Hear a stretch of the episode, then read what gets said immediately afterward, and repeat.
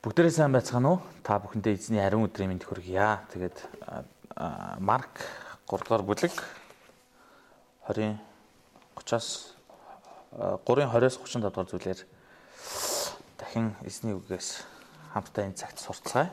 Тэгээд өнөөдрийн номлын нэр бол Есүсийн жинхэнэ гэр бүл. Гол ишлэл 3-ын 35. Бурхны хүслийг биелүүлэх чим боловч миний их ихч ах дүүс минь юм гэвэ. Тэгээ бүгдээ энэ цагт эзэн бурхныхаа өмнө хамтаа очинд залбирцгаая. Хайр ивэл хийгээд мөнх амар дүүрэн бурхан аваа. Гэмтээ сул дорой биднийг та өрөвдөн хайрлаж өөрийн хүү Иесусийн цусаар аварсанд баярлалаа. Хайртай бурхан аваа тэгээд энэ цаг мөчид Марк номоос дахин суралцах боломжоор та хангаж өгч байгаад баярлалаа. Ариун сүнсний э, ажлын талаар мөн Иесусийн гэр бүл нь ямар байх ёстой талаар энэ цагт сурах гэж байна. Та ариун сүсээр хамт байж бидний зүрх сэтгэл таны үгэнд нээлттэй байх боломжоор та хангаж өгөрөө гэж гуйж байна. Хайртай бурхан аваа өнөөдрийн номлын цагтаа эхлэхээс дуустал та өөрийн ариун сүсээр хамт байгаа гэж бидний цорын азаарвчсан Иесус Христийн нэрээр болоо. Амен. Иесусийн жинхэнэ гэр бүлийн гишүүд болсон та бүхэнтэй эзний өдрийн мэндийг хүргье. Тэгээ яг энэ цаг мөчид а онлайн хүндэтгэл мөргөлд зориулт гарган эзнийг хамтдаа хүндэтгэн мөргөцгөөё гэж уриалмаар байна. Өнөөдрийн номлолоор бид нэгдүгээрт ариун сүнсний ажил хийгдэхэд саад болж байгаа. Сатаны гар хөл болсон хуулийн багш нар багш нарт Есүс ариун сүнснийг доромжлогч хизээч уушлагдахгүй гэдгийг сануулна мөнхийн гинтэн болох талаар зааж байна. Хоёрдугаар Есүсийн жинхэнэ гэр бүлийн гишүүн Бурхны хүслийг биелүүлэх юм гэдгийг зааж байна. Энэ цагт бидний зүрх сэтгэл Бурхны үгэнд нээлттэй байж чадахын төлөө гуйж байна. Нэг ариун сүнсийг доромжлагч гин 20 дугаар ишлэгийг үзээрэй. Есүс гэрт ороход ард олон дахиад л цугларч тэд талахч идэж ис чадав. Тэр ухаан мэдрэлээ алдаж гэж тэд ясан тул хамаатнууд нь үүнийг сонсоод Есүсийг авчрахаар яв. Есүс шав нарыг сонгон ариун сүнсний ажлыг итгэвтэйгээр хийж байгаад уулнаас бууж ирээд гэрт ороход ард олон дахин цугларч өвөө олноороо түүнийг дагаж байна. Уг нь ариун сүнсний ажлыг хийсэн бүр шав нарыг босгосон байгааг харвал өнөөдөр хүн хүлээн авахгүй. Их ажил хийсэн тул амарч байгаа. Шав нартайгаа хувийн цаг аавна. Салхинд гарна, магшаарж идэн амрах ёстой гэд хин хэнийг хүлээж авахгүй байж болох байсан. Гэвч Есүс тэгсэнгүй. Шав нартайгаа хамт хоол цайрч идэж ууж чадахгүй шууд л өөр дэрэн ирсэн ард олонд үйлчлэв. Ажлыг хийж хийх гэвэл идэж уух, хүч ууж байж хүч тэнхээ орох нь илүү үр дүнтэй байдаг. Манай ажилчид бол хоол цайгаар нь таслаад хоол цагаар нь таслаад таслагаар уурлаад өлцөөд байна гэд гомдлон ажиллаач хийхэ болж орхидог. Харин Есүс эсэргээр хоол цай чухалч хаанчны ажил илүү чухал гэдгийг энд бидэнд сануулж байна. Есүс яагаад ингэж үйлчилж байна вэ? Өмнөх бүлгүүдийг харуул Израилийн ард олон дотор өвчлөлж өвчлөл их байсан байна. Тэд бузар сүнсэнд эзэмдүүлсэн хадингар саа өвчтөй, уйман өвчтөй, гимээсээ болоод шаналсан, шархалсан зүрхтэй. Сүнсээр зовж шаналсан, сүнсээр цангасан хүмүүс их байсан байна. Тэднийг хараад Есүс өрөвдсөн байх. Тэгээд тэгээд шууд тэдэнд үйлчлэн Бурхны үгнээс зааж эдгэрэл хэрэгтэй хүмүүсийн эдгээсэн. Шамнар нь өвчтнүүд туслан шархыг нь боож өсөж цанхаас умартан үйлчилсэн. Есүс үнэхээр л сайн мэдээний төлөө ухаан мэдрэлийн алдсан юм шиг л зүтгэж байсан. Тэр идэх хоол, унтах нойрооч хасан Есүст хасан хүмүүст сайн мэдээх хүргэх эдгэх үйлчлэлийн төлөө явдаг бай. Есүс ийм Есүсийг хараад түүнд атгаархагч болно. Түүнийг сайн ойлгохгүй хүмүүс ухаан мэдрэлийн алдсан гэж хэлж ард олонд цуурхал тараасан байна. Цуурхал явсараа байгаад Есүсийн хамаатнуудад хүрсэн. Тэгвэл Есүсээс бид юу сурах вэ? Бид юунд ухаан мэдрэлээ алдах хэрэгтэй вэ? Гэмт солиорон урсгалаараа энэ дэлхийг даган ухаан мэдрэлээ алдаж амьдрах уу? Нарийн зэнгийн хайр сэтгэлд ухаан мэдрэлээ алдаж амьдрах уу? Сонгуул гэж сошиалор солиорон ухаан мэдрэлээ алдах уу? Өдөр шөнөгүй утас сухан хар бараан зүйлийн араас ухаан мэдрэлээ алдах уу? PUBG тоглоно ухаан мэдрэлийн алдаж арга гэрийнхнэрээ загнуулах уу? Ажлаас өөр зүйл байхгүй юм шиг ухаан мэдрэлийн алдан ажиллах уу? Ирэх мэдл нэг алдрын анаас ухаан мэдрэлийн мэдрэлийн алдах уу? Эд хөрөнгө мөнгөний хойноос ухаан мэдрэлийн алдах уу? Эцсийн эцэст өөхөх хүртлээр ухаан мэдрэлийн алдан энэ дэлхийд амьдарсаар байх уу? Магадгүй олон асуулт байна. Гэхдээ энэ дэлхийг харуул сатан олон хүмүүсийг гмийн хүслүүдээр донтуулан ухаан мэдрэлийн алдуулсаар байна. Өнөөдрийн үгийг харуул бид Иесусийн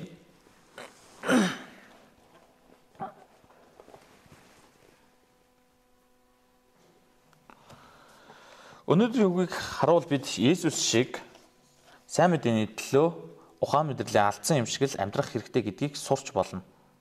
Одоо бидэнд даалгасан үүрэгт ухаан мэдрэлийн алдсан юм шиг л зүтгэх хэрэгтэй.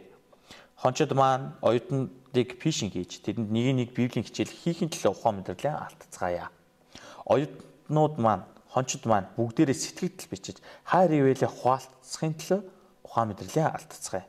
COVID-19 гих саад бэрхшээлийг энэ цагт онлайн саад бэрхшээлтэй энэ цагт онлайнаар библийн хичээлд зориулт гарган хийж хүн сэтгэлийн цуглаанд зориулт гарган өргөн өдөр бүрийг өглөөний гуйлтанд оролцсон сэтгэлийн цуглаанд сэтгэл хуваалцсан ухаан мэдрэлийн алдцгаая. Нэг үгээр хэлэхэд бүгдээрээ бурхны алдрын төлөө ухаан мэдрэлийн алдцгаая. Энэ үед бидний эргэн тойрондох хүмүүс маань чи чинь ухаан мэдрэлийн алдцгаа юу? Юун ч улаан хэрэгсч юм бэ гэх хүртэл нь бидний үйлчлэл бусдад солиотой мэд санагдтал Бурхны алдрын төлөө хичээнгүйлэн зүтгэцгээе.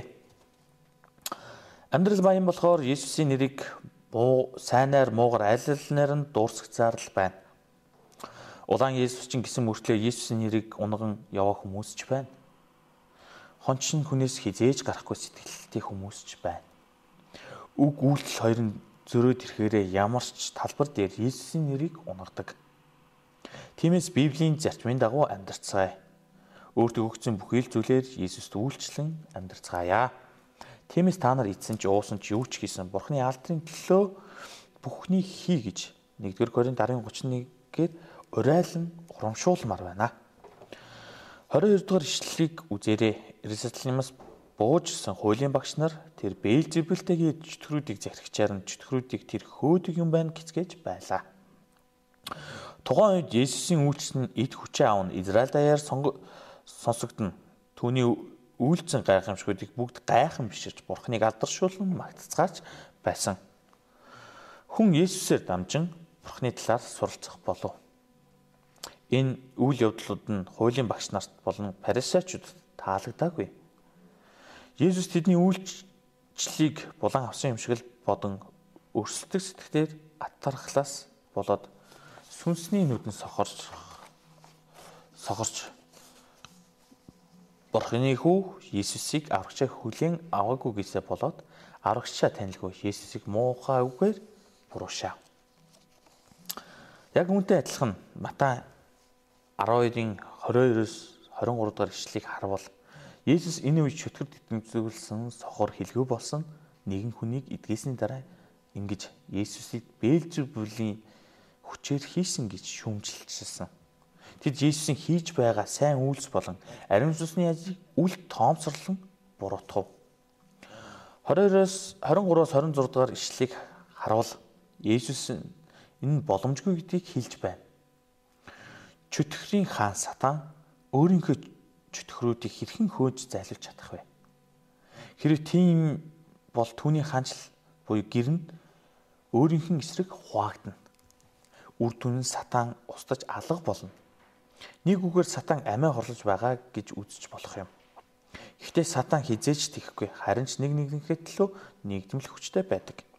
Есүс Бурхныг таньж мэдхгүй байгаа хуулийн багш нарт асуулт тавин ойлгохгүй байгаа тэднээс сургаалт зүрлээд сатан хэм бэ? Есүс хэм бэ гэдгийг тайлбарлан өгч байна. Бэрта эрийг эхлээд хүлэхгүй бол хин гертэн орж эд хөрөнгийн дээрэмдэж чадах билээ. Тэгж байж л гэрийг гэрийн дээрэмдэн шүү дээ. Эндээс хүчтэй хэрэг бол сатаныг хэлж байна. Эд хөрөнгө нь сатаныг хүлээсэнд байгаа, зов шаналж байгаа хүмүүс юм. Харин сатанаас хүчтэй нэг нь байна. Тэр нь Есүс юм аа. Бээлжибүл бол нутаглагч гэсэн үг юм. Сатан сул дорой хүний сэтгэл сүнсэн дотор орж нутаглан өөрийнхөө дураар ноёрхдог. Бид нар эд хөрөнгөө өөрийнхөө хүслээр хөдөлгөж зарцуулж эдэлж байдаг шиг сатанч өөрийнхөө иргэшээлд орсон хүмүүсийг тийхүү эдэлж хэрэгэлдэг. Сатан хүмүүсийн гим нүглийн боолоор өөрийн гарын үзүр заран амьдрахыг хүсдэг. Сатаны иргэшээлд байгаа хүн бурхныг эсэргүүцдэг үннийг эсэргүүцэн махан биений хүслийг даган амьдардаг. Сатан хүчтэй. Учир нь хүн төрлөخت нь бид маш амархан түүний боол болдог. Хүн хизээж өөрийн хүч чадал, оюун ухаанаараа сатаны иргэшээлээс мултран гарч чадахгүй. Биднийг сатаны иргэшээлж зовж байхад түүний боол болж янз бүрийн гимээр төөрч байхад агуу хүчээр чөлөөлж аварсан аврагч эзэн Есүст гүнээ талархаж байна. Гэтэл номыг харуул авралын зарчмыг харуулсан. Өөрсдийн хүчээр гимээс гарч чадахгүй биднийг Бурхан Есүсийг илгээж биднийг сатааны боолчлоос чөлөөлсөн. Бид Есүсээс хүч авалгүйгээр хизээж оюутнууд болон хончтын асуудлыг шийдэж чадахгүй. Тиймээс Есүс дээр бүх асуудлуудыг барин очих хэрэгтэй. Хүн өөрийн өөрөө шийдэх гээд гмийн асуудлуудаа бодон явдаг. Харин өөрийн хүчээр хизээж чадахгүй чадахгүй гимшин Есүсийн хүчээр ялалт байгуулна байгуулан амьдарцгаая. Бид үүнээс хойш тулгарч байгаа бүх асуудлыг бид өөрсдийн хүчээр бус харин зөвхөн ариун сүнсний хүчээр тэмцснээрээ дандаа ялалт байгуулж амьдарч чадахыг гуйж байна. 28-аас 30 дугаар ишлэлийг хараарай. Өнөөдөр би та нарт хэлье хүний хөвгүүд нүгэл тэдний Хүний хүүгүүдийн нүгэлт тэднийг доромжлох гүтгэлэг бүгд уучлагдав. Харин ариун сүнсийг доромжлож хинч хизээж уучлахгүй бөгөөд мөнх нүглийг гэмтэн болон гэвэ. Учир нь тэд Есүсийг бузар сүнстэй гэж ирсэн юм. Есүсийг аврагчаар хөлийн зөвшөөрч гимсэн хүнд л ариун сүнс дотор нь нутгалдаг. Хэдий ариун сүнс нь итгэгчдийг хизээч орхихгүй боловч бидний гим нүгэл нь сүнсийг бөхөөдөг эсвэл сүнсийг гомдоох боломжтой. Гимнүүлэн үргэлж бурхантайхаа харилцах бидний харилцаанд нөлөөлөх үр дагаврыг авчирдаг. Хэдий бидний бурхантай харилцах харилцаа Христийн дотор аюулгүй боловч бидний амьдрал дах гимшиг гимнүгэл нь биднийг бурхантай харилцах нөхөрлөхөд саад болж бидний амьдралд хийж буй ариун сүнсний ажлыг шууд бөхөх боломжтой. Тийм болохоор Бурхан итгэмжид зөвд тэрээр нүглийг минь уучлж бүхэл зөв бусаар биднийг цэвэрлэн учир өөрсдийн гмийн улаах нь маш чухал юм а. Ариун сүнс нь гмийг ухааруулдаг, гимшүүлдэг. Ийм учраас ариун сүнсний ажлыг санаатаагаар үгүйсгэх, татгалзуул хизээч уучлагдах боломжгүй. Тийм учраас ариун сүнсийг авч мөнх амтай болсон бид нар хараахан ариун сүнсийг мэдхгүй, аваагүй, дахин дөрөгүй хүмүүс хондид Үүнийг хатуу сануулснараа тэднийг гимшихэд сайн тусалцгаая.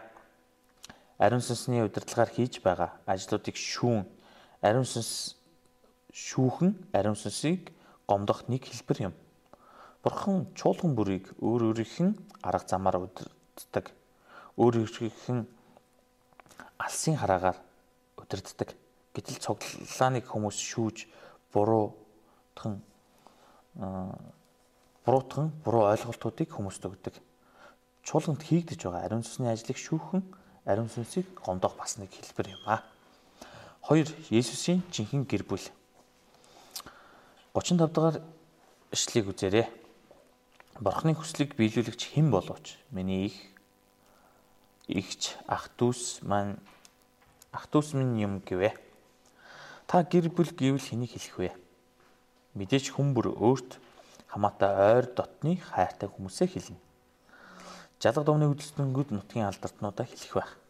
Сонгуул төхөөд гэр бүл гэж тооцогдох олон ч хүнтэй танил болж төрөл садан болж байна. Миний манайх гэсэн сэтгэлээс хязгаарлагдал байдал бий болдог. Харин Есүс гэр бүлийн талаар юу гэж хэлж байгааг үздцгээе.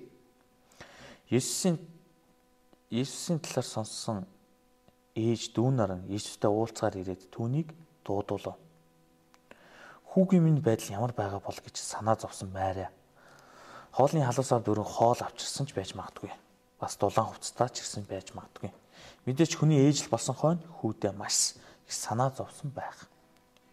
Тэгэд Иесусыг дуудтал хин миний их хин миний дүүнар юм бэ гэд эхийн сэтгэл үрд үрийн сэтгэл ууланд гэдгчлэн магадгүй зарим хүмүүс нь би буруу сонсч байгаагүй байгаа гэж эргэлзтэл Иесус хэлсэн.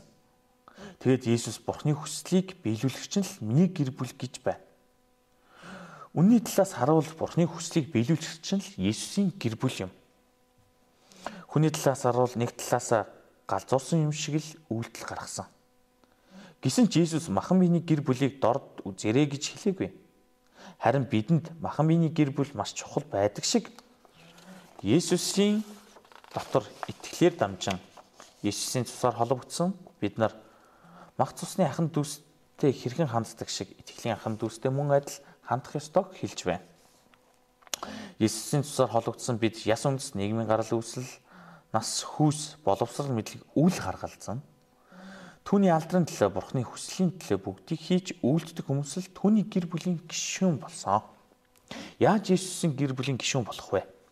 Өөрийн гин нүглийг улааж эзэн Иесусийн өмнө очин түүнийг өөрийн аврагчаар хүлээн авсан хүн бүрт Иесусийн гэр бүлийн гишүүнчлэн ирэх нээгддэг.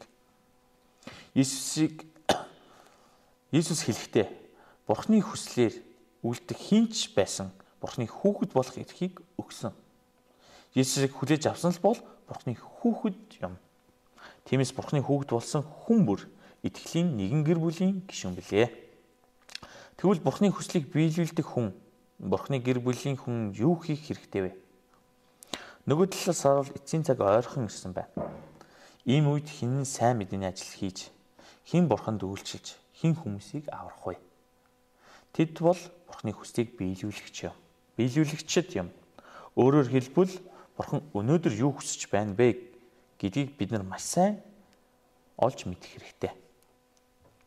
Бидэнд хэлж байгаа Бурханы хүсэл бол хайр ба золиослын сэтгэлээр дуудагдсан дуудлага дотроо оюутан залууст хончтод Бурханы үгийг заан үйлчлэх юм. Энэ бол Бурханы бидэнд тавьсан алсын хараа. Бид нар дамжуулан хийж хийх Бурханы ажил юм аа. Бидний Монголын болоод дэлхийн оюутан залуусын төлөө дуудан хэрэглэж байгаа бурхандаа талархаж байна. Хүмүүст өөрт өгөгдсөн бурхны хүсийг олж мэдхийн тулд бурханаас хаана ажиллах, хаана амьдрах, хинтээ гэрлэх гэх мэт зүйлсэл асууж мэдхийг хүсдэг. Энэ үеийн Ром 12:2-д энэ үеийн явдал бүүн нийцэгтэн харин зүрх сэтгэлийн шинжилснээрээ өөрчлөгдөж Бурхны хүсэл юу болохыг тухайлбал сайн тааламж төгс төгөлдөр хүслийг батлахтун гэсэн байна. Бурхан өөрсдөд нь хамаартай зүйлсэд биднийг сонголт хийхийг зөвшөөрдөг. Бурхан биднээс хүсдэггүй цорын ганц зүйл бол түүний хүслийг эсэргүүцэх юм уу? Гим нүгэл хийх шийдвэр юм. Бурхан өөрийнхөө хүсэлд тохирсон сонголтуудыг хийхийг хүсдэг. Тиймээс өөртөө зориулсан Бурхны хүслийг хэрхэн мэдэж чадах вэ? Хэрвээ та Бурхантай ойрхон алхаж түүний таны амьдралд тавьсан хүслийг үнэхээр мэдхийг хүсэж байгаа бол Бурхан таны зүрх сэтгэлд өөрийн хүслийг тавих болно. Гол нь өөрийн хүслийг бус Бурхны хүслийг ирж хайх юм аа. Эзэнт баярлах тун тэр чам зүрхний чинь хүслийг өгнө Христийн гэр бүл болсон бид өнгөрсөн хугацаанд нэг нэгнээ Иесусийн хайраар хайрлсан уу гэвэл үгүй юм шиг байна. Тэгвэл өнгөрсөн хугацаанд хайрлаг үдэ гимшиж байна. Цаас цаашид бие биенээ хүлээн зөвшөөрч хайрлан амьдрахыг гуйж байна. Дүгнэлт. Өнөөдрийн үгээр дамжуулан сатан биднээс хамаагүй хүчтэй нэгэн учир бид хизээч түүний эсрэг зогсож чадахгүй гэдгийг дахин сурлаа. Гэвч сатан хүчтэй нэгэн буюу Есүс сатанас хүчтэй нэг юм буюу Есүс бидэнтэй ариун сүнсээр хамт байгаа учраас бид сатаныг ялан жил ялалтын амьдралаар амьдрах боломжтой болсон талархаж байна.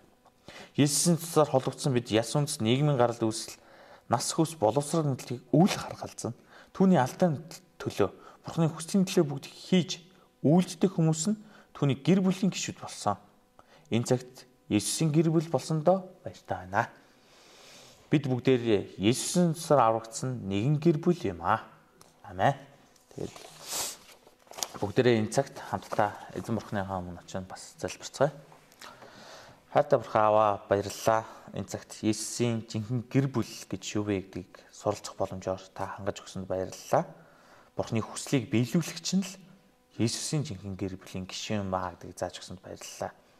Бид амьдралдаа маш олон сонголтууд хийдэгч бидний гаргасан сонголт шийдвэр болгоно.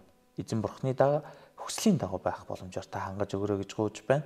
Бид нэр өөрийн хүслээр биш харин бурхны хүслийг нэгдүгээр тавьдаг хүнээр амьдрч чадах боломжоор та хангаж өгөрөө гэж бидний цорын газаврагчсан Есүс Христ нэрээр гуйлаа. Амен. За баярлалаа.